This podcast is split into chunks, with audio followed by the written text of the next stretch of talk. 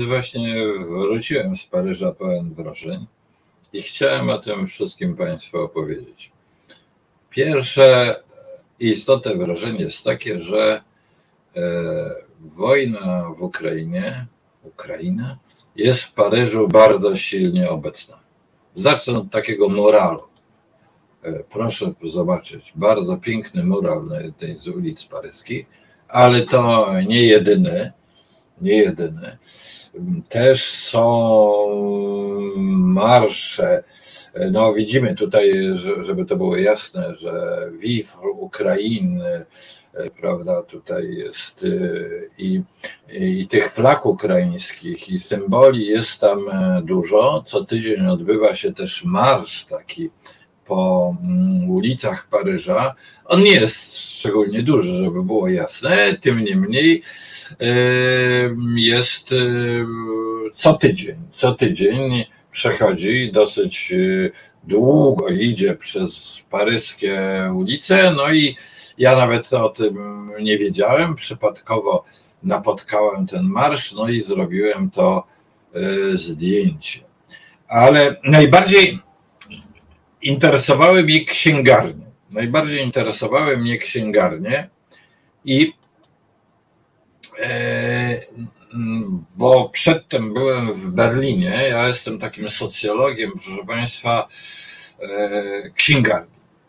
To znaczy, oczywiście wiele rzeczy można zobaczyć w internecie, ale mnie się wydaje, że takie duża księgarnia w metropolii bardzo dużo mówi o zainteresowaniu danego kraju w, no, jakichś najrozmaitszych tematach, w tym przypadku Ukrainy. Pojechawszy do tego Paryża, przede wszystkim to mnie interesowało. Jak Francuzi y, zajmują się y, Ukrainą? Co się zmieniło? Bo ja pamiętam, y, z dawnych czasów o Ukrainie, to we Francji w zasadzie nic nie wiedziano i tak naprawdę traktowano Ukrainę jako jakąś część Rosji. No, z tego, z tych stereotypów starał się też korzystać mm, e, Putin. Ale e, nie wiem, jak to szybko się zaczęło zmieniać po roku 2014 Natomiast lawinowo zaczęło się zmieniać po e, lutym po zeszłego roku, po wybuchu wojny ukraińsko-rosyjskiej, a lepiej powiedziawszy, po agresji, napadzie Rosji na Ukrainę już z całym rozmachem. I otóż księgarnie są pełne książek o Ukrainie. Ja bym powiedział, że jest ich więcej. Zaraz je będę niektóre książki pokazywał. E, niektóre zdołałem e, gruntownie przejrzeć, a nawet e, przeczytać w części i zaraz o tym opowiem, ale generalne mm, stwierdzenie jest takie, że tych książek jest tam dużo i do pewnego stopnia więcej niż w może nawet więcej niż w Polsce jest tych książek. Oczywiście nie, słabiej znacznie jest przetłumaczona literatura ukraińska. Tu no, musimy być wobec e, polskich tłumaczy e, no, fair. Literatura ukraińska, powieść, powieści Andruchowicza, Zabuszko i tak dalej są błyskawicznie tłumaczone. Tego na język polski, tego tam nie ma, natomiast jest bardzo dużo literatury poświęconej polityce. Ale y, słowo jeszcze muszę dodać o y, y, tu Państwo proszę zobaczyć trochę z tych te książki, jak one tutaj wyglądają, będę je omawiał, ale przede wszystkim muszę coś powiedzieć o księgarniach w Paryżu. Mianowicie one są ogromne. To są o 3-4 piętra. E, to jest akurat księgarnia na Boulevard e, Saint-Michel, e, Giberta księgarnia. I to, co jest w tych księgarniach ciekawe, to to jest to, że tam są takie całe stoły, takie stoiska, tak jak wystawa na jakimś targach książki, to jest ułożone tematami. Te książki mm, też e, e, są sprzed e, też starsze książki i, i no, ta księgarnia jest po prostu fantastyczna, bo można zobaczyć coś, co było wydawane wiele lat temu, jest pokazane w jakimś kontekście i, i takich stołów w takiej księgarni, proszę sobie wyobrazić, jest kilkadziesiąt i każdy z nich poświęcony jest jakiemuś tematowi. To jest stół poświęcony Ukrainie i Rosji. Ale już ta Rosja jest traktowana jako ten agresor, jako e, bardzo e, problematyczny kraj, a centrum tego jest wojna i Ukraina. No, e, tutaj zaraz tą książkę Y, będę omawiał. François Aisbourg, y, tak to chyba należy czytać, Les leçons d'une czyli lekcje o wojnie. W związku z, jak Państwo widzą tutaj pod tytuł na dole, w związku z tą właśnie wojną Rosji z Ukrainą. Więc tych książek jest bardzo dużo. I jest y, ogromne zainteresowanie Ukrainą. Ono jest troszkę inne niż w Niemczech. Moje wrażenie z, y, z tej zmiany, jaka nastąpiła w Niemczech, jest taka, bo niewątpliwie jest zmiana, niewątpliwie ogromnego zainteresowania Ukrainą od czasu wybuchu wojny, prawda? Od tego historycznego, jeśli chodzi o niemiecką politykę wschodnią, przemówienia E, przemówienia Scholza w Bundestagu. Tam interesują się przede wszystkim historią Ukrainy. To jest bardzo ciekawe. Natomiast we Francji największe zainteresowanie jest e, czymś, co oni nazywają geopolityką, znaczy zmianami, jakie ta wojna wprowadza do polityki światowej. Zupełnie inne spojrzenie niż, e, niż niemieckie. I e, teza tych, tych licznych książek to są często mm, książki, które się nazywają Atlas. Atlas geopolityczny. Ale Atlas to, to nie są same mapy, tylko to jest bardzo dużo tekstów, esejów, które omawiają, jak zmienia się polityka światowa. Te atlasy poświęcone są różnym zagadnieniom energetyki, klimatu i tak dalej. W taki sposób Francuzi dyskutują i omawiają kwestie, yy, te zasadnicze kwestie polityczne współczesnego świata, posługując się nieustannie mapą. To bardzo ciekawe, bo oczywiście mapa wnosi tutaj bardzo yy, yy, wiele, czyni wiele zagadnień bardzo, znacznie bardziej czytelniejszych niż tylko sam, sam tekst. No właśnie, ale co jest o, jak tutaj wpływa Ukraina na to spojrzenie na politykę światową? No, teza tutaj jest zasadnicza, prawda? taka, że Ukraina, wojna w Ukrainie zmienia cały porządek światowy. To jest tutaj, Państwo widzą książkę Michel Diclosa, Diclo, e, Guerre en Ukraine et Nouvelle Ordre du Monde, czyli wojna w Ukrainie i nowy porządek światowy.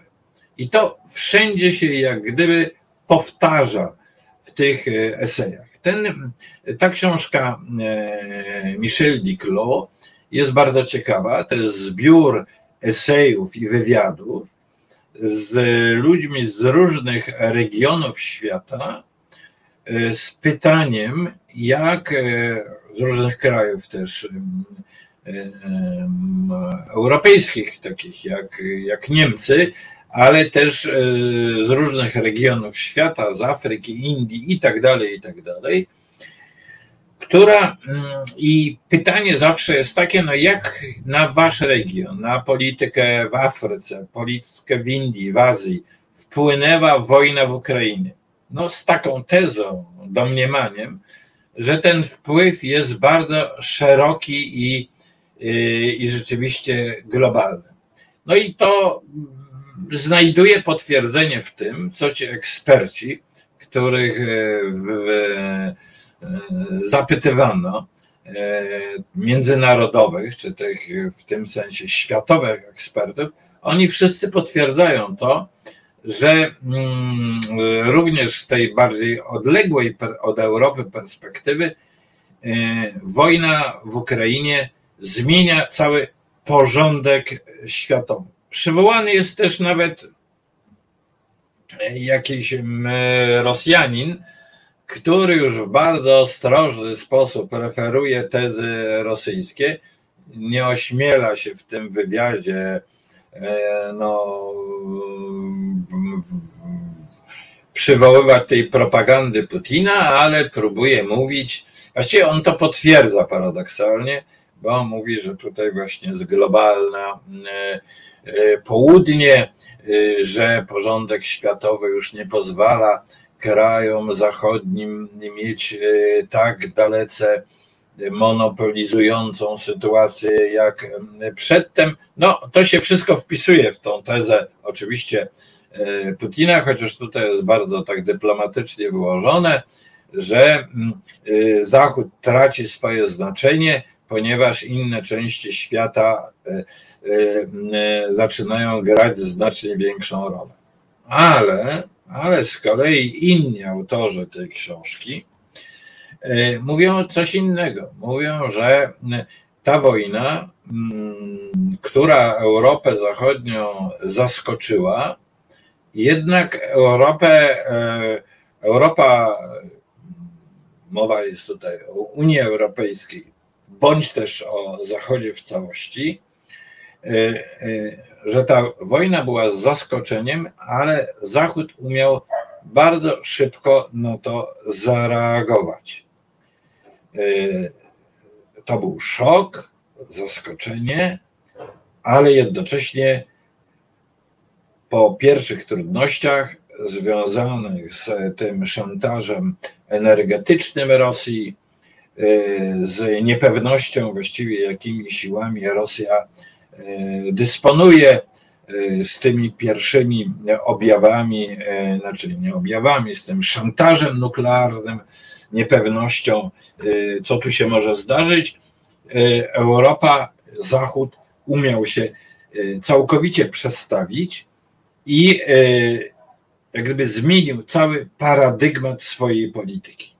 To jest ta teza zasadnicza, nie tylko tej książki Niklo, ale tej książki, którą tutaj Państwu też pokazywałem, tej książki La leçon d'Inger, ponieważ tutaj ten autor mówi, mówi tak, no, po mm, zimnej wojnie, no, która miała całkowicie inny przebieg niż wojna obecna, nastąpił długi okres, kiedy wierzono w jakiś porządek światowy oparty o negocjacje.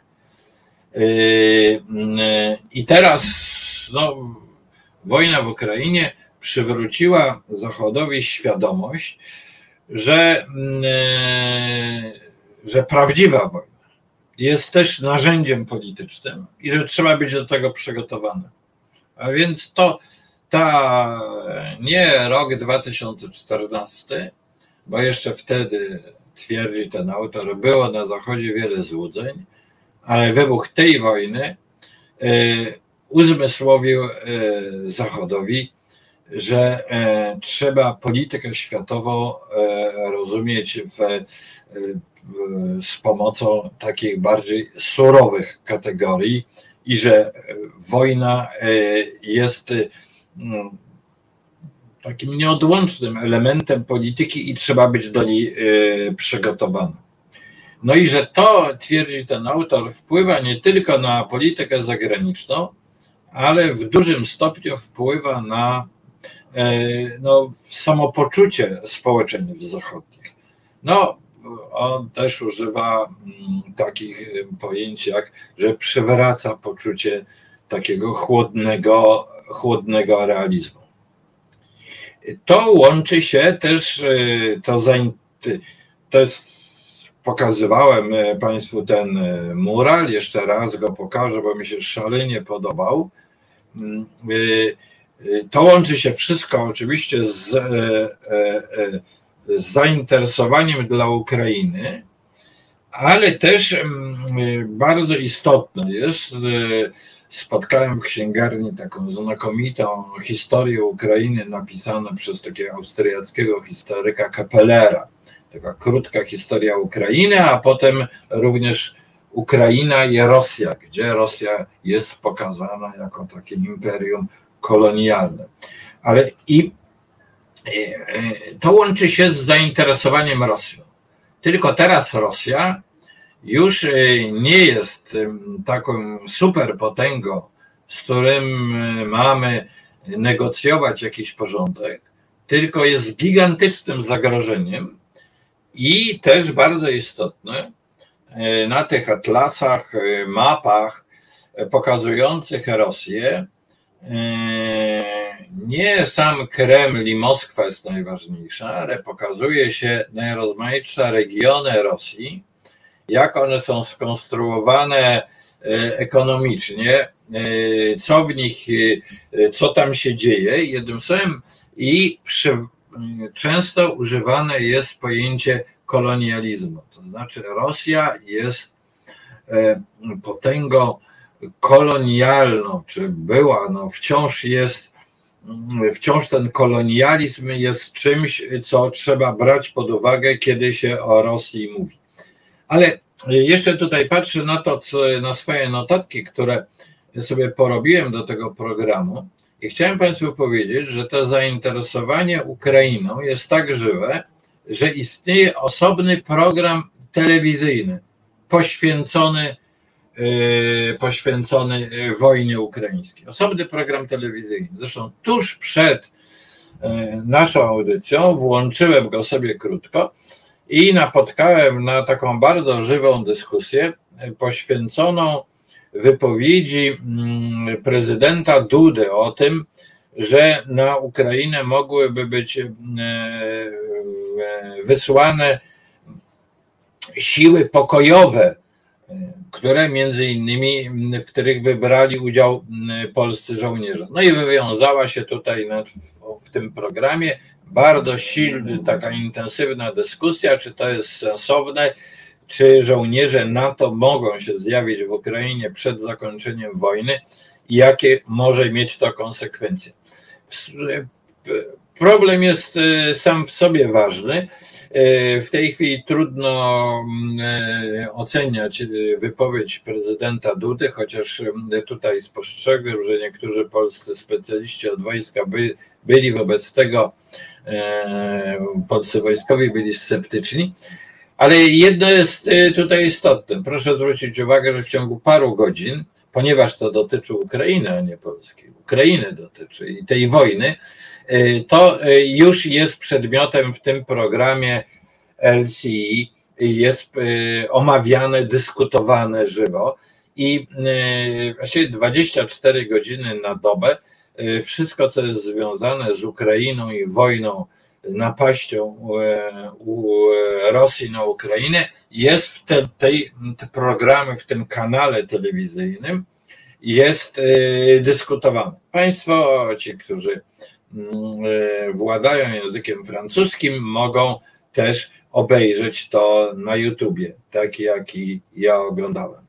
A więc jeszcze raz, cały czas podkreślam, jedzie się do Paryża i widzi się ogromne zainteresowanie Ukrainą. Ogromne zainteresowanie i tezę, która i dyskusja, która temu e, towarzyszy, że wojna ukraińsko-rosyjska, ta napaść Rosji na Ukrainę zmienia porządek światowy, otwiera jakąś nową epokę w porządku światowym. Też e, Ukraina jest widziana jako, i teraz to jest bardzo ważne, jako część już Europy. W tym właśnie eseju, który tutaj, w tej książce, którą tutaj omawiałem, Michela Diclo, jest jeden z esejów, mówi, jak to Ukraina dostrzegana była jako kraj, e, no gdzieś tam wschodniej Europy, czyli jak gdyby poza tym obszarem bezpośredniej, bezpośredniej uwagi Paryża, e, Berlina i tak dalej, jak nagle stała się ona częścią Europy. To niezależnie od formalnej przynależności e, Ukrainy do Unii Europejskiej. Po prostu stała się krajem europejskim, europejskim. A Rosja przestała, tak powiem, być postrzegana jako ten partner, z którym się e, dyskutuje, e, ponieważ dyskusja z Moskwą jest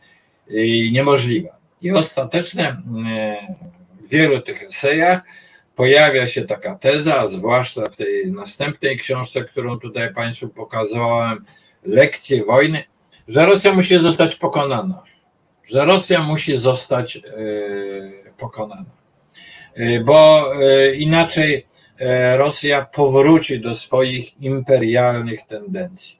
Oczywiście te opinie i zdania komentatorów francuskich są różne. Ja przez cały tydzień też słuchałem z uwagą tej telewizji LCI, ale y, y, to uderzyło mnie, że poprzyjdzie z Polski, no bo nasze komentarze są często takie, że Zachód tej e, Ukrainy wciąż nie dostrzega, jest jakiś mm, e, niedostatecznie mm, asertywny wobec Rosji, stara się o jakieś układy, że ten Macron to bez przerwy dzwonił y, y, iż do Putina i że to jest jakaś naiwność. To cały czas się w Polsce powtarza. Otóż ja muszę temu moje wrażenia w Pary, z Paryża są takie, że zmuszony jestem, czy na szczęście, na szczęście, mogę temu zaprzeczyć. E, Francja docenia absolutnie e, wagę wojny ukraińsko, ukraińsko-rosyjskiej. Definiuje to jako wojnę, definiuje to jako wojnę demokracji liberalnej z porządkiem autorytarnym.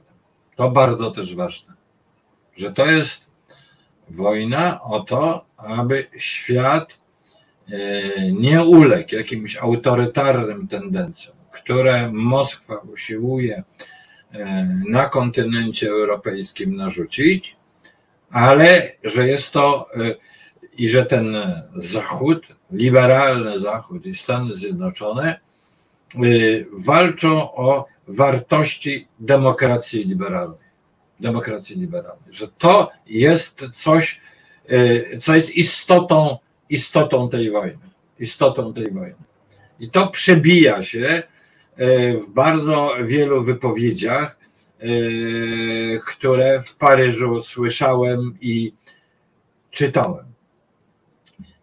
Dalej, to co też może budzić zdziwienie kogoś, kto przyjeżdża z Polski i słucha, czyta polską publicystykę, że uważa się, że e, ta wojna przyczyni się do mm, integracji, dalszej integracji e, Unii Europejskiej.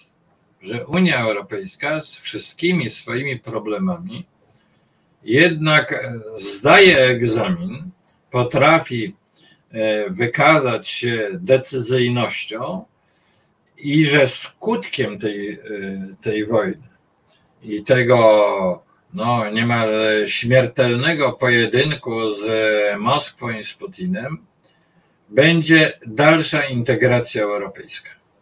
Teraz czytając tą publicystykę i te książki francuskie, jakie jeszcze ma się wrażenie? A mianowicie, że Francuzi no, których pewien gotyzm, koncentracja na, e, na samej Francji i tak dalej jest dobrze znana. Jednocześnie jednak te wszystkie rozważania prowadzone są z pozycji, e, gdyby tym punktem wyjścia, e, punktem widzenia jest Unia Europejska w całości, a nie tylko sama Francja. A, zapomniałem powiedzieć jeszcze bardzo ważną rzecz tu przeczytałem co nigdzie mm, nie było powiedziane, w, nie słyszałem o tym, żeby to było powiedziane w polskich newsach. Mianowicie już w pierwszych dniach wojny wszystkie cztery e, łodzie e, atomowe z tymi rakietami atomowymi francuskie wyszły w morze. Prawda? Czyli od samego początku e, Francja potraktowała tą wojnę, tą napaść wtedy zawołałby się na Kijów, prawda, tak, to był początek tej wojny, Rosji na Kijów potraktowała od razu jako konflikt globalny, prawda, no, korzystając, wprowadzając do akcji te swoje najpoważniejsze siły, bo Francja jest potęgą nuklearną, potęgą nuklearną. W tych również francuskich esejach, e, książkach e, przywoływani są Niemcy lub też po prostu są autorami tych książek. I oczywiście tam jest dyskusja o wcześniejszej polityce niemieckiej. I jest taka zgoda, że ta polityka oparta o tą zasadę, że zmiany polityczne, te pozytywne rzekomo, tak było to planowane poprzez handel z Rosją, postawienie na, na to właśnie, że poprzez związanie gospodarcze Rosji uda się ją ucywilizować, że to był bardzo poważny błąd. No i głębiej, że mm, e, polityka nie polega na samej tylko ekonomii.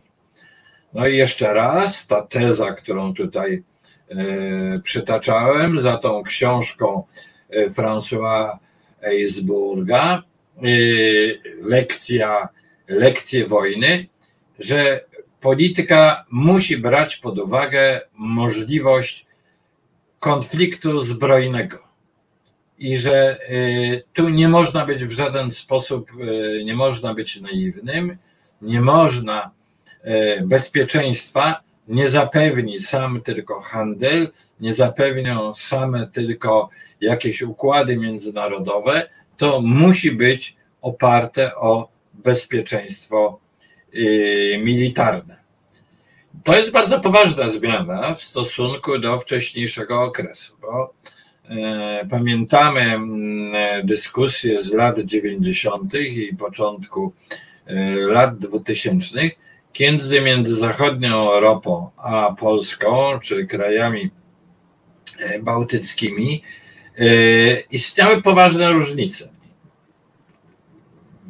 w widzeniu bezpieczeństwa. To bezpieczeństwo widziano, e, widziano na Zachodzie właśnie w kategoriach przede wszystkim e, handlu, umów, e, jakichś układów. Tak rozumiano kwestię bezpieczeństwa, że tak się buduje bezpieczeństwo. Strona polska i nie mniej strasznie przez e, Rosję doświadczone kraje takie jak Estonia, Litwa, e, mówiła o tym, że bezpieczeństwo e, to jest również bezpieczeństwo militarne, że o nim w żadnym wypadku nie można zapominać, że bezpieczeństwo to nie jest to miękkie bezpieczeństwo związane z gospodarką, współpracą, ale to jest bezpieczeństwo twarde związane z militariami. I teraz można powiedzieć, że Zachód przechodzi właśnie taką ewolucję i uznaje w pełni tą prawdę, że bezpieczeństwo musi być związane z kwestiami militarnymi i z odpowiednio e, silną armią. Jednocześnie ten Zachód zdobywa pewność siebie, ponieważ po te dwie książki, które żeśmy tu, tu Państwu e, koncentrując się na nich, Państwu pokazują, one są wydane w styczniu 23 roku, a więc jeszcze nie uwzględniają tego całego rozwoju do chwili obecnej, no ale już w styczniu 23 roku było widoczne, że strona rosyjska jest o wiele słabsza niż przedtem myślano i że ta strona rosyjska no przede wszystkim pozostaje bardzo w tyle, jeśli chodzi o y, kwestie technologiczne.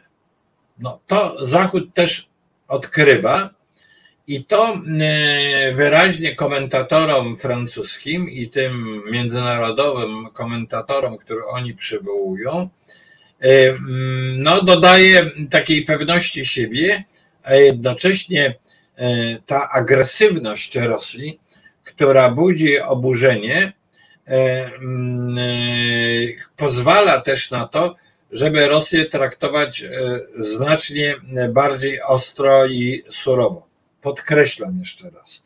W tych rozważaniach, tych lekcjach o wojnie, tego autora, którego tutaj okładkę książki Państwo widzą, no, on idzie bardzo daleko. Mówi, no właściwie mm, Rosja jest w takim stanie, że rozpad jest bardzo prawdopodobny. E, to, co dzieje się w Rosji, jest e, zagrożeniem dla całego porządku światowego, a jednocześnie e, mówi się o tym porządku postwojennym, no ale skoro się mówi o porządku postwojennym jako o czymś nowym, jakimś, jakimś nowym porządku światowym, to tym samym tym samym e, zakłada się pełne zwycięstwo Rosji, e, Ukrainy nad Rosją. No, jak wiemy, to jest właściwie wynik ostatniego szczytu NATO, prawda?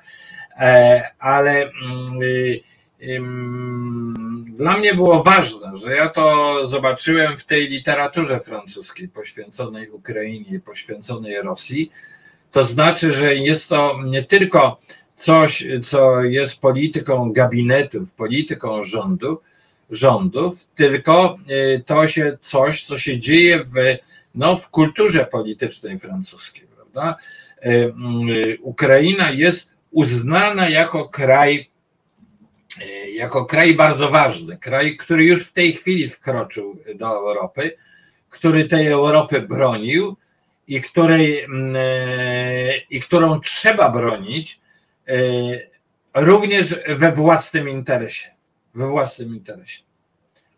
To, to kontrastuje bardzo silnie, e, moim zdaniem, z wieloma mm, polskimi komentarzami i takimi stereotypami, że ta Europa mm, no, nie rozumie właściwie do końca, co się dzieje, y, że ona jest tam dekadencka i tak dalej, i tak dalej. To no, to, co można tutaj zobaczyć, zaobserwować, przeczytać, całkiem temu, yy, temu przeczy. Yy, no, ale chciałbym mm, też mm, zatrzymać się przy innych rzeczach, jeszcze do kwestii Ukrainy powrócę. Tu jest ciekawa też okładka jeszcze która zwróciła moją uwagę, to jest taki no, periodyk poświęcony polityce międzynarodowej, jak Państwo widzą, Question Internationale. Ukraine entre Est et l'Ouest, czyli Ukraina między wschodem a zachodem. No, e, ten tytuł, jak gdyby przeczy tej tezie tego e, Francuza, który no, pisze o lekcji lekcjach, e, które daje nam wojna i mówiąc, że właściwie ta Ukraina już jest częścią Europy przez tą wojnę. No ale dlaczego ten tytuł zwrócił moją uwagę? Bo proszę, mm, to myśmy bardzo długo mówili o tym, że Polska jest między wschodem a zachodem, no, że jest tym przedmurzem. A tutaj Ukraina jest między wschodem a zachodem. Ukraina tutaj w oczach Francuzów przejmuje jakby tą dawną rolę e, Polski. To ona jest rodzajem przedmurza. Zresztą muszę powiedzieć, że książek, książek o Polsce nie jest tak wiele. No, to wielkie zainteresowanie Polską, pamiętam księgarnie francuskie z lat 90. Y, no, Polska budziła ogromne zainteresowanie, prawda? nie mniejsze niż y, teraz Ukraina. To była Polska Solidarności, Polska Wałęsy, Polska, która obaliła y, komunizm. Teraz tego, teraz tego zainteresowania Polską nie ma. Trudno mi określić, na ile to, co się dzieje w Polsce, myślę o tych rządach PiSu, ma wpływ na opinię o Polsce. Nie potrafię tego, ten mój pobyt we Francji nie pozwolił mi na ocenę tego zjawiska. Natomiast jedno spostrzeżenie chciałbym uczynić, a mianowicie Węgry. Węgry widziane są jako wróg Europy. Wręcz jest taka opinia o Węgrzech, że to jest kraj wynajęty przez Putina do e, no, rozwalenia Unii Europejskiej. No, to się pokrywa z takim zdaniem, które często jest w mediach mm, y, y, w, w, ukraińskich. No, że Ukraińcy to wprost piszą, że ci Rosjanie to muszą mieć na tego Orbana wręcz kompromat, jakieś materiały kompromitujące, że on postępuje właśnie w taki e, sposób e, no, podczas tej wojny bez przerwy właściwie podejmując politykę i działania, które e, są na rękę Putinowi. A więc opinia o Węgrzech jest fatalna i to tym bardziej kontrastuje z tym poczuciem Francuzów, że ta Europa się skoncentrowała, jest solidarna i że prowadzi, wspierając Ukrainę, w zasadzie też jest zagrożona przez Rosję i prowadzi wojnę z Rosją. Prawda?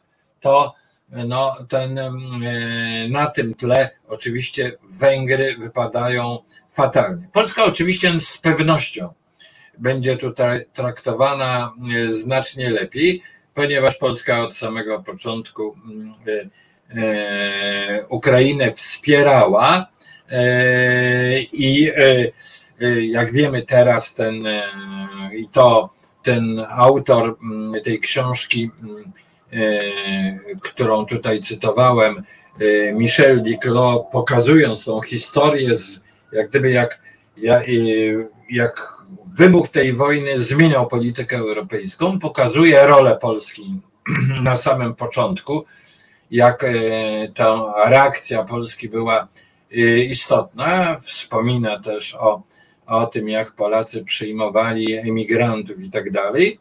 Tym niemniej jest oczywiste, że z czasem rola tych krajów, takich jak Niemcy i Francja, e, no, zaczęła narastać. No najpierw była to Wielka Brytania, zwrot w Niemczech. On politycznie był zawarty w tej deklaracji Scholza, ale później y, to coraz bardziej się tam rozwijało i teraz te dane dotyczące pomocy militarnej, pomocy finansowej, to wszystko, y, to wszystko jest, y, decyduje o tym, że te dwa największe kraje Unii odgrywają y, coraz większą rolę w tym pojedynku, y, pojedynku z Rosją. No ale co jeszcze można w Paryżu y, zobaczyć? No, tutaj jeszcze jest, Państwo widzą książkę Tarasa Szewczenki. No, powiedziałem, że z tymi tłumaczeniami literatury ukraińskiej na francuski nie jest najlepiej. E, ale ta klasyka, e, ta klasyka, jaką jest Taras Szewczenko, została przetłumaczona i ten Taras Szewczenko leży wśród klasyków. To jest cała taka seria klasyków literatury światowej.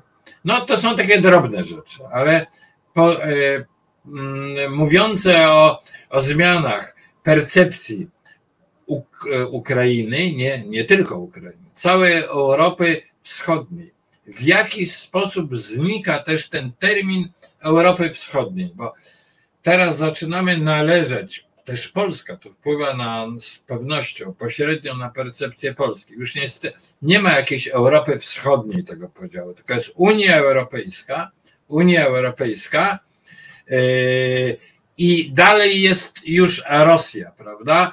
Yy, ten podział tak silny na Europę Wschodnią i Zachodnią, podział, który gdzieś tam powstał zaczął jako pewien stereotyp i wyobrażenie zaczął powstawać w, e, w XVIII wieku, e, ale został tak naprawdę no, niemal zacementowany przez, po II wojnie światowej przez Jałtę i przez podział Europy na blok wschodni i zachód. I teraz ten stereotyp i te wyobrażenia geograficzne, to zaczyna właśnie zanikać. Jest Unia Europejska, Unia Europejska, która y, dostrzega Ukrainę i dalej jest już tylko Rosja, też ta Rosja, która jest widziana nie tylko jako Kreml, jako superpotęga, ale jako kraj, który jest awanturniczy, niebezpieczny i kraj, który jednocześnie jest potęgą Mm, nie potęgą, jest y, nadal mocarstwem czy krajem kolonialnym. No jeszcze raz wspomnę o tych atlasach, w których poszczególne regiony y, Rosji są pokazywane i mówi się o tych Burjatach, Jakutach, y, pokazuje się ich gospodarkę, pokazuje się stosunki etniczne i tak dalej. To są ogromne zmiany w sposobie do postrzegania, postrzegania e, Rosji. I, mm, I jednocześnie jest to cały czas e, mm, stwierdzenie takie, że porządek światowy jest w tej chwili zmieniany. On trwa wojna, ta wojna musi być wygrana, ta wojna musi być wygrana i ta wojna doprowadzi do nowego porządku światowego, w którym Zachód będzie odgrywał bardzo istotną rolę. To jest jasne, on teraz odgrywa istotną rolę, ale y, tutaj wyraźnie y, ta teza o zakończeniu tej wojny nie brzmi w taki sposób, tak jak to usiłują mówić Moskwa, że e, świat staje się tak dalece wielobiegunowy, że Zachód traci na znaczeniu. Nie. E, wojna przyczyni się do dalszej integracji Unii Europejskiej, wzmocnienia Zachodu, wzmocnienia demokracji liberalnej i, e, i, i to również i ta Europa ze swoimi wartościami będzie mm, odgrywała nadal bardzo ważną rolę ponieważ oczywiście tam w tle jest kwestia, no co będzie dalej z Chinami, prawda? Co będzie dalej z Chinami? W tych esejach też wyczytałem coś, co czasem jest w polskiej publicystyce i komentarzach pomijane. A mianowicie Chiny. Mówi się o tym, że początek tej wojny, no to było z, był związany z perspektywą jakichś szczególnych związków chińsko-rosyjskich. No, wiadomo było już, że ta Rosja ulega w bardzo poważny sposób Chinom, no ale że e, taki sojusz chińsko-rosyjski może być bardzo groźny. Rosja prowadzi e, wojnę, jest zaopatrywana przez Chiny. E, no, jeżeli mm, atak mm, rosyjski okaże się skuteczny, być może, a Zachód w związku z tym okaże się y, niezdecydowany i słaby, to następnym etapem będzie atak na Tajwan. I teraz to wszystko zostało sfalsyfikowane. To postrzega się teraz, że sytuacja jest odwrotna, że Chiny e, no, wobec tej porażki rosyjskiej Chiny właściwie coraz bardziej od Rosji się e, odwracają, ponieważ Chiny w dużym stopniu polegają jednak na mm, handlu światowym, e, na tym, że biorą w nim udział, a ta wojna te powiązania handlowe niszczy. No i to czyni też ta siła Zachodu, ta przewaga technologiczna w sprawach militarnych, czyni również atak na Tajwan znacznie mniej prawdopodobny. No, cały czas zwracam uwagę na to, że Francuzi od samego początku, sądząc po księgarniach, sądząc po tych audycjach telewizyjnych, tych dyskusjach, które się tam toczą, niektórych rozmowach, które przeprowadziłem, wyraźnie widzą to e, świat, tą wojnę w kategoriach od samego początku globalnych. Nie jako jakiś konflikt, który dotyczy tylko e, samego kontynentu europejskiego. I o tym oczywiście takie spojrzenie francuskie związane jest z historią Francji, tą historią nie zawsze piękną, dotyczącą również kiedyś imperium kolonialnego. No więc co jeszcze w tym Paryżu zobaczyłem? Bo zajmowałem się, to mnie najbardziej interesowało, no ale teraz, żeby Państwu zrobić jakiś przerywnik i nie cały czas mówić o, o o tych e, trudnych rzeczach, oczywiście poszedłem na, do dzielnicy łacińskiej i wśród tych takich gęstych uliczek przy fontannie Saint-Michel poszedłem na kuskus. Ach, pamiętam go z dawnych czasów, kiedy pierwszy raz w Paryżu byłem, proszę Państwa, na początku lat 70. i ten kuskus mi niesamowicie smakował. Pamiętam taką straszną przygodę, ponieważ poszedłem z kimś, kto zrobił mi taki okropny żart, bo mm, podał mi na łyżce harisę. To strasznie mało Państwo wiedzą. Teraz harisa jest też w Polsce i to jest bardzo mocna przyprawa. No i ja właśnie gwoli wspomnieć z mojej młodości poszedłem do dzielnicy łacińskiej na kuskus. Ale chciałbym to skojarzyć z rzeczą następującą. Że oczywiście takie dzisiaj e, e, e, restauracje e, takie no, dawniej dla nas egzotyczne, e, tureckie e, i inne nie stanowią już dla nas mm, w Polsce czegoś specjalnego, to jednak mm, ulice Paryża co niezwykle, proszę Państwa, żywe. Niezwykle żywe, kolorowe i kwestia oczywiście migrantów, wielokulturowości stanowi tam bardzo istotny yy, czynnik. No, jeszcze jak tam byłem, to miałem telefony z Polski, na jak jest z tymi zajściami. Otóż udałem się do dzielnic, gdzie te zajścia były, one już właściwie wygasły. One trwały jeszcze w Marsylii, o ile wiem, teraz już tych zajść nie ma. Trwała bardzo poważna dyskusja w prasie o przyczynach tych zajść. To, czego się doczytałem, dowiedziałem się, że jeżeli te pierwsze e, bunty e, żółtych kamizelek to była głównie mm, e, francuska prowincja, która przyjeżdżała do, do do, do, do Paryża, to rzeczywiście te zajścia były związane z ludnością i działy się w tych kolorowych dzielnicach. Ale z drugiej strony muszę Państwu powiedzieć tak, że pojechałem do dzielnic. I czułem się po pierwsze całkowicie bezpiecznie. Wypiłem tam kawę. No rzeczywiście było tak, że idąc tymi ulicami należałem do tej E, białej mniejszości. Ale ludzie tak samo uprzejmie uśmiechali się, e, z kimś tam sobie porozmawiałem o jakichś obojętnych tematach. W związku z czym teraz przygotowując się do tej audycji, byłem w sklepie, no kupowałem sobie kawę po prostu i zobaczyłem taką mm, e, okładkę Gazety Polskiej. Rewolucja E, pożera, e, e, poże, islamska pożera w Francji. Proszę Państwa, no to jest taka bzdura, że coś niemożliwego. I tutaj obok zamieszczam zdjęcie, tylko nie wiem, czy ono jest dostatecznie widoczne. Wszyscy, którzy tutaj siedzą, to są czarni. I gdzie to jest? Gdzie to jest?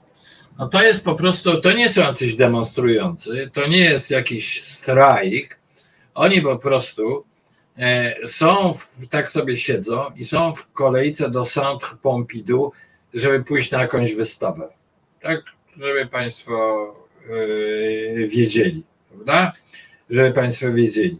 Mm, no i ta ulica jest bardzo kolorowa, bardzo ciekawa. To są też oczywiście nie tylko ta czarna Afryka, która były kolonie francuskie, ale również kraje arabskie e, i, e, i myślę, że to mm, no, taka jest Europa i to daje też Francji bardzo wiele.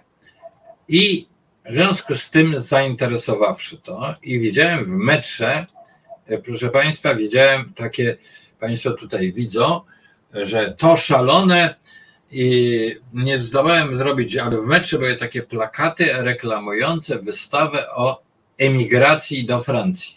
No metro w, w Paryżu jest fantastyczne, uwielbiam nim jeździć, bardzo gęste przystanki, w związku z czym łatwo tam wszędzie trafić, starczy spojrzeć na ten schemat metra. No, miejmy nadzieję, Polska, Warszawa również będzie miała z czasem trzecią linię metra, a później może czwartą i piątą i również po Warszawie się będzie tak wygodnie jeździło. No ale mamy, widzę te plakaty w metrze, prawda? I te plakaty reklamują wystawy, które mówią o tym, że cudzoziemcy w bardzo poważny sposób przyczyniają się do e, e, historii Francji. Proszę zwrócić uwagę na ten e, tutaj podpis la grande histoire de l'immigration. Nouveau parcours ouverture. No więc oczywiście pojechałem na tą wystawę. Gdzie ona jest tutaj? No nie, tylko tutaj z tej wystawy nie mam, e, nie zrobiłem zdjęcia, no ale to jest bardzo wielka wystawa i gdzie ona jest, proszę Państwa? Ona jest w mm, w byłym Muzeum Kolonializmu Francuskiego. To bardzo przypomina y, też y, to, co jest do zobaczenia w Brukseli. Tam też było Muzeum Kolonializmu. Przypominam, y, kolonializm belgijski, to przede wszystkim chodzi o Kongo i o króla Leopolda. Był wyjątkowo obrzydliwy. Ogromna ilość ofiar, prawda? Także to była prywatna właściwie własność Leopolda. Belgowie, mm, w końcu te skandale, które straszliwe rzeczy, które się tam działy, spowodowały, że parlament belgijski mu to e, w swoim czasie odebrał, ale te e, Muzeum Kolonializmu istniało długi czas, iż w końcu kilkanaście lat temu uznano, że w ogóle samo to muzeum jest skandalem i e, to te muzeum zmieniono. I podobnie się tutaj tak stało się w Paryżu. To jest dawne Muzeum Kolonializmu, które zmieniono w Muzeum Imigracji, pokazując, jak długa jest to historia. Oczywiście to jest zupełnie inna historia niż ta, która, no, um, um, znaczy takiej percepcji, jaką my możemy mieć. No bo to ta e, historia emigracji zaczyna się już w wieku XVIII, od tej wczesnej fazy kolonializmu, ciągnie się przez cały wiek XIX, ma te dra, dramatyczne momenty, takie jak wojna w Algierii, w związku z czym imigracja z w Algierii, e, wojna w Indochinach, wszystko to dzieje już po II wojnie światowej. No i, i oczywiście ci czarni, ci Arabowie na ulicach Paryża Y, to są y, często osoby mieszkające, y, znaczy rodziny, to jest historia od wielu pokoleń związana z tym francuskim kolonializmem, ale tezą tej wystawy jest, że historia Francji nie da się, historia kultury francuskiej, nie da się już opowiedzieć bez tej wielokulturowości. Wielokulturowości. No, więc ta wystawa była bardzo dla mnie ciekawa. No, w oczywisty sposób widziałem ją w kontekście spraw e, polskich, w kontekście zarówno tej bardzo ciekawej społeczności ukraińskiej w Polsce, uchodźców, no, którzy, no to jest dla Polaków, migracja jest doświadczeniem nowym. Wiemy, jak jest trudna dyskusja o relokacji. Nie chciałbym wchodzić tutaj w te wewnętrzne polskie problemy, ale trzeba powiedzieć, że jeżeli również w tej księgarni ten dział o imigracjach jest zawsze duży, ponieważ imigracja i ekologia to obok wojny rosyjsko-ukraińskiej to są te największe problemy, które, y, y, które tam traktowane są jako właśnie problemy globalne i najistotniejsze dla współczesnego, współczesnego świata. No ale jeszcze jedną wystawę widziałem.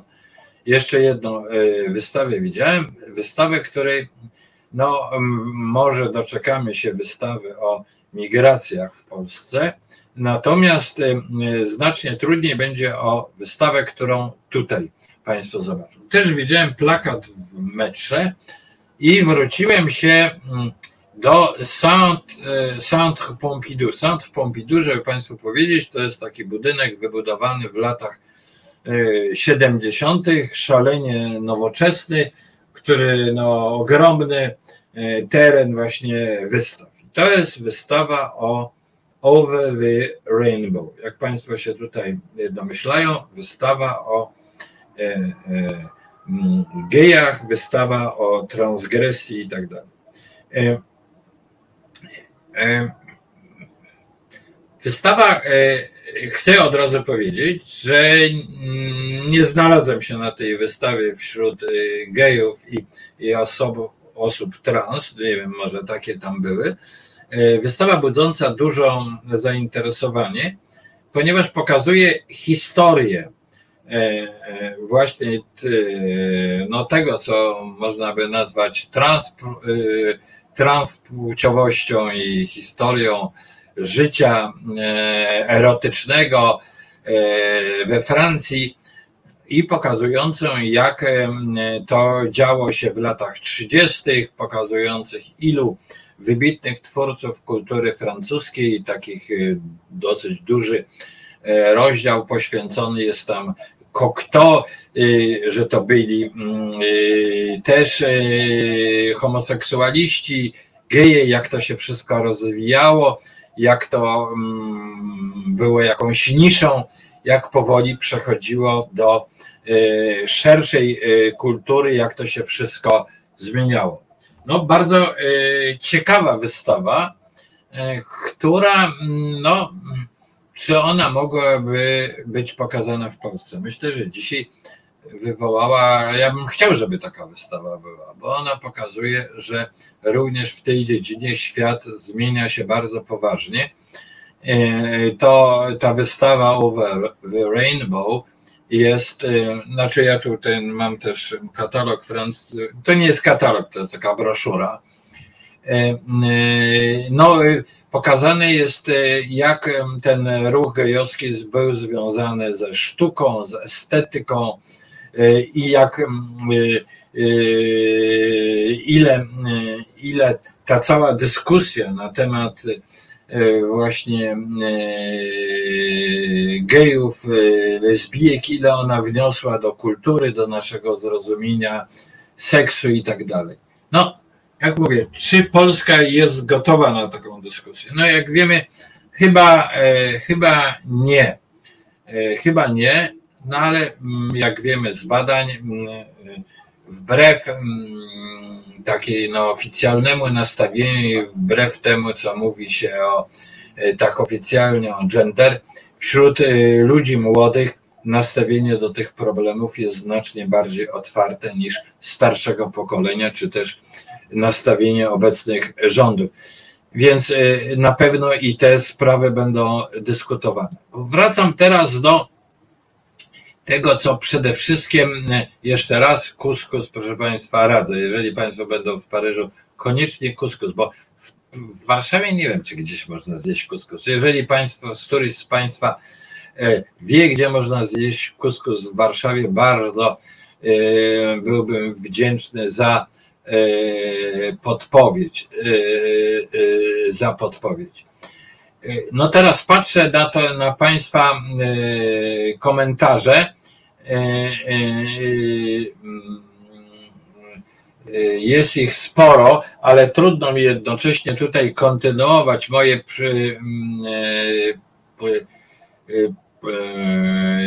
moje sprawozdanie z pobytu w Paryżu, jeśli, jeśli będę czytał Państwa komentarze. No tutaj jest e, taki ostry komentarz Jacka Nowaka na temat pana Jacka Nowaka o Ukrainie, o tej wojnie, prawda? E,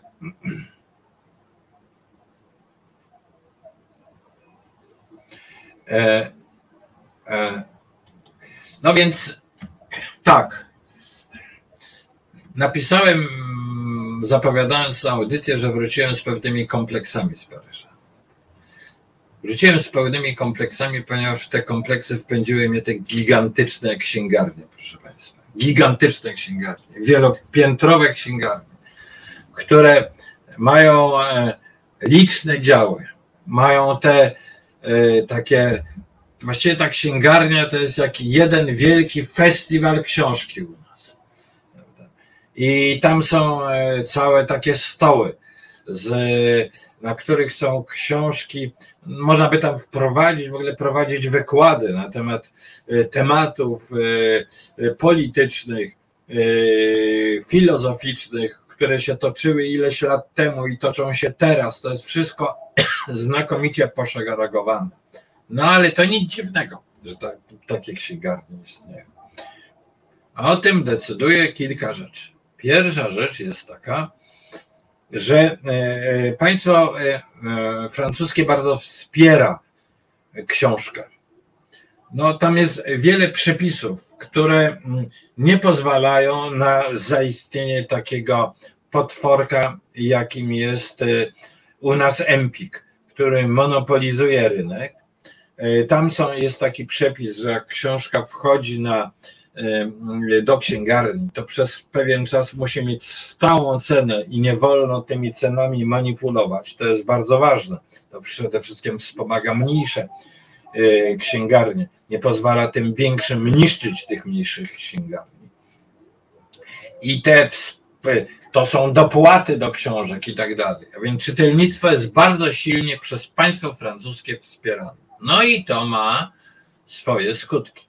A mianowicie w badaniach nad czytelnictwem, tego już się doczytałem, e, bo nie wiedziałem o tym wcześniej. Wiedziałem, że z czytelnictwem w Polsce są pewne kłopoty, prawda?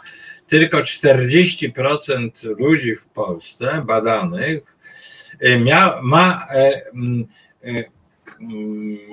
raz w roku jakąś książkę, raz lub więcej, no ale ma, ma książkę w ręku. Przyznaje się do tego, że przeczytała jakąś książkę.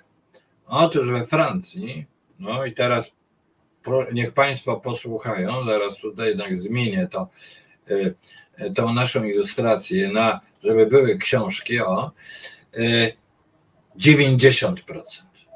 Y, 90% Francuzów czytało wedle badań od jednej do 50 książek w roku. Wow, bardzo poważna różnica. Ale jeszcze czego się doczytałem aż 20% czytało poezję. Hmm, Polacy tacy romantyczni. No, oni czytają poezję. No, to, y, to wprawia, to zaczęło mnie wprawiać y, w kompleksy. No, ponieważ y, toczy się wojna, mm, czytelnictwo jest czymś bardzo ważnym dla rozwoju danego kraju. A w Polsce, no właśnie, 40 procent czyta książki, a we Francji 90% czyta książki. No i te wielkie księgarnie. Do tych księgarni można pójść i znaleźć, co się zechce. Samo chodzenie po tej księgarni jest jakąś lekcją historii, najnowszej historii, historii literatury. Tych książek nawet nie trzeba kupować, bo ja po prostu to zwiedzałem te księgarnie, tutaj jest ta księgarnia Gilberta, Gilberta jako y, tak jakbym poszedł właśnie na, na targi książki. mogłem spojrzeć na takie stoły, na których były różne tematy z dziedziny filozofii, ekonomii, przejrzeć tą literaturę, historię tej literatury. Jest to coś niebywałego i coś bardzo, bardzo budującego. No więc, hmm, no, to troszeczkę, troszeczkę yy, no, uczy skromności, szczerze mówiąc. Yy, uczy też skromności w tym sensie, że kiedy widzi się właśnie taki stół z książkami o Ukrainie, no to takie e, wyobrażenie, że my to jesteśmy w Polsce, tak się najlepiej znamy na tym wschodzie, najlepiej rozumiemy tą Rosję i tak dalej, no y, to mm, zaczyna mm, y, y, zaczyna się o tym powątpiewać, prawda? Uczy to jednak pewnej skromności wobec tego Zachodu. Zacząłem powątpiewać, również jedząc ten kuskus, że to my że to myśmy nauczyli tych Francuzów jeździć nożem i widelcem i że oni są e, tacy e, w stosunku e, do nas prymitywni. Więc raczej możemy się tam dużo uczyć. Jest też kwestia imigracji, która przecież też problem, który do nas przyjdzie. Ta wystawa poleciał, poleciłbym wszystkim wycieczkom, które jadę jadą do Paryża, żeby zwiedzić tą wystawę o emigracji. Jest to wystawa stała.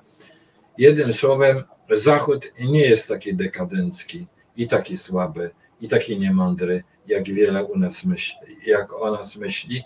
I mam pewne obawy, czy przypadkiem zamiast zgonić ten Zachód, to intelektualnie się od niego obecnie e, oddalamy. No, oby tak e, nie było. E, podróż do Paryża wszystkim Państwu radzę. Paryż jest e, wspaniały, chociaż też wspaniała jest Warszawa i oczywiście polskie dyskusje e, intelektualno-historyczne są też bardzo ciekawe i ważne, ponieważ E, proszę Państwa, człowiek, społeczeństwo rozwija się też dzięki myśli, ide, ideom i książkom. I to, co czyta dane społeczeństwo, jest bardzo ważne dla jego rozwoju. A na koniec mała reklama mojej książki e, Ukraina, globalna Ukraina. To jest książka sprzed paru miesięcy, ale już napisana podczas, po wybuchu wojny też z tą tezą, którą wyczytałem w tych książkach e, francuskich, będąc w Paryżu, że ta wojna w Ukrainie to jest wojna globalna, to jest wojna o początek światowy, to jest wojna o to, czy świat opanowany zostanie przez e, autorytaryzm, taki rosyjsko-chiński, czy też świat będzie porządek światowy oparty będzie o wartości demokracji yy, liberalnej.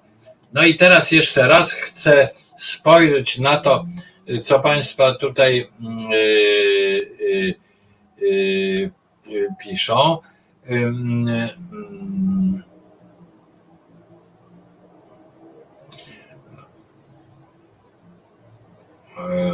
No, dyskusja jest żywa, ale bardzo mi trudno ją w jakikolwiek sposób mm, e, e, tutaj podsumować, bo ja mam w ogóle taką prośbę, żeby Państwo tutaj, ja mamy takich, bardzo się cieszę, stałych naszych widzów i,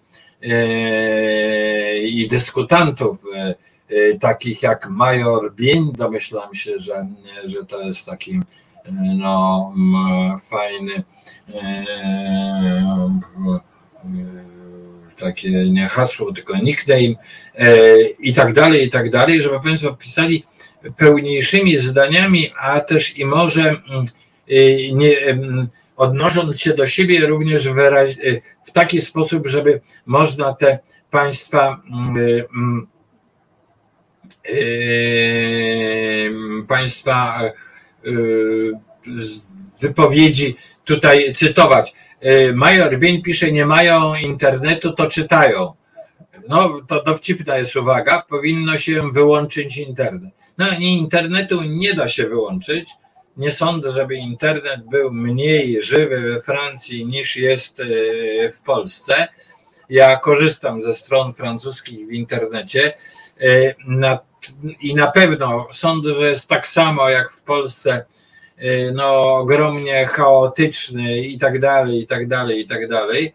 Ja oglądałem książki o internecie. Też y, duży dział o tym, co się dzieje, o y, tych fake newsach i tak dalej, ale mm, tych książek nie przeglądałem i nie czytałem. Ja myślę, że cały świat, panie majorze, uczy się w tej chwili, jak z internetu korzystać. W ogóle w naszych audycjach tutaj powinniśmy też się może z Jarkiem Szczepańskim zająć tym, y, no jak internetu używać, jak się nie dać nabierać, ale y, w jaki sposób no, nie psuć sobie zdrowia psychicznego, będąc w sieci, bo niestety to wszystkim nam grozi.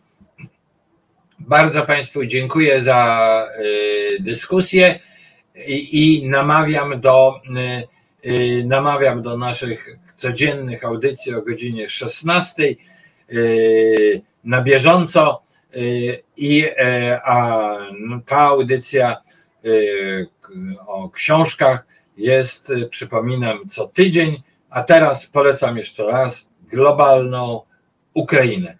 I może widzimy się w Warszawie gdzieś na ulicy, albo gdzieś w Paryżu. Dziękuję Państwu bardzo.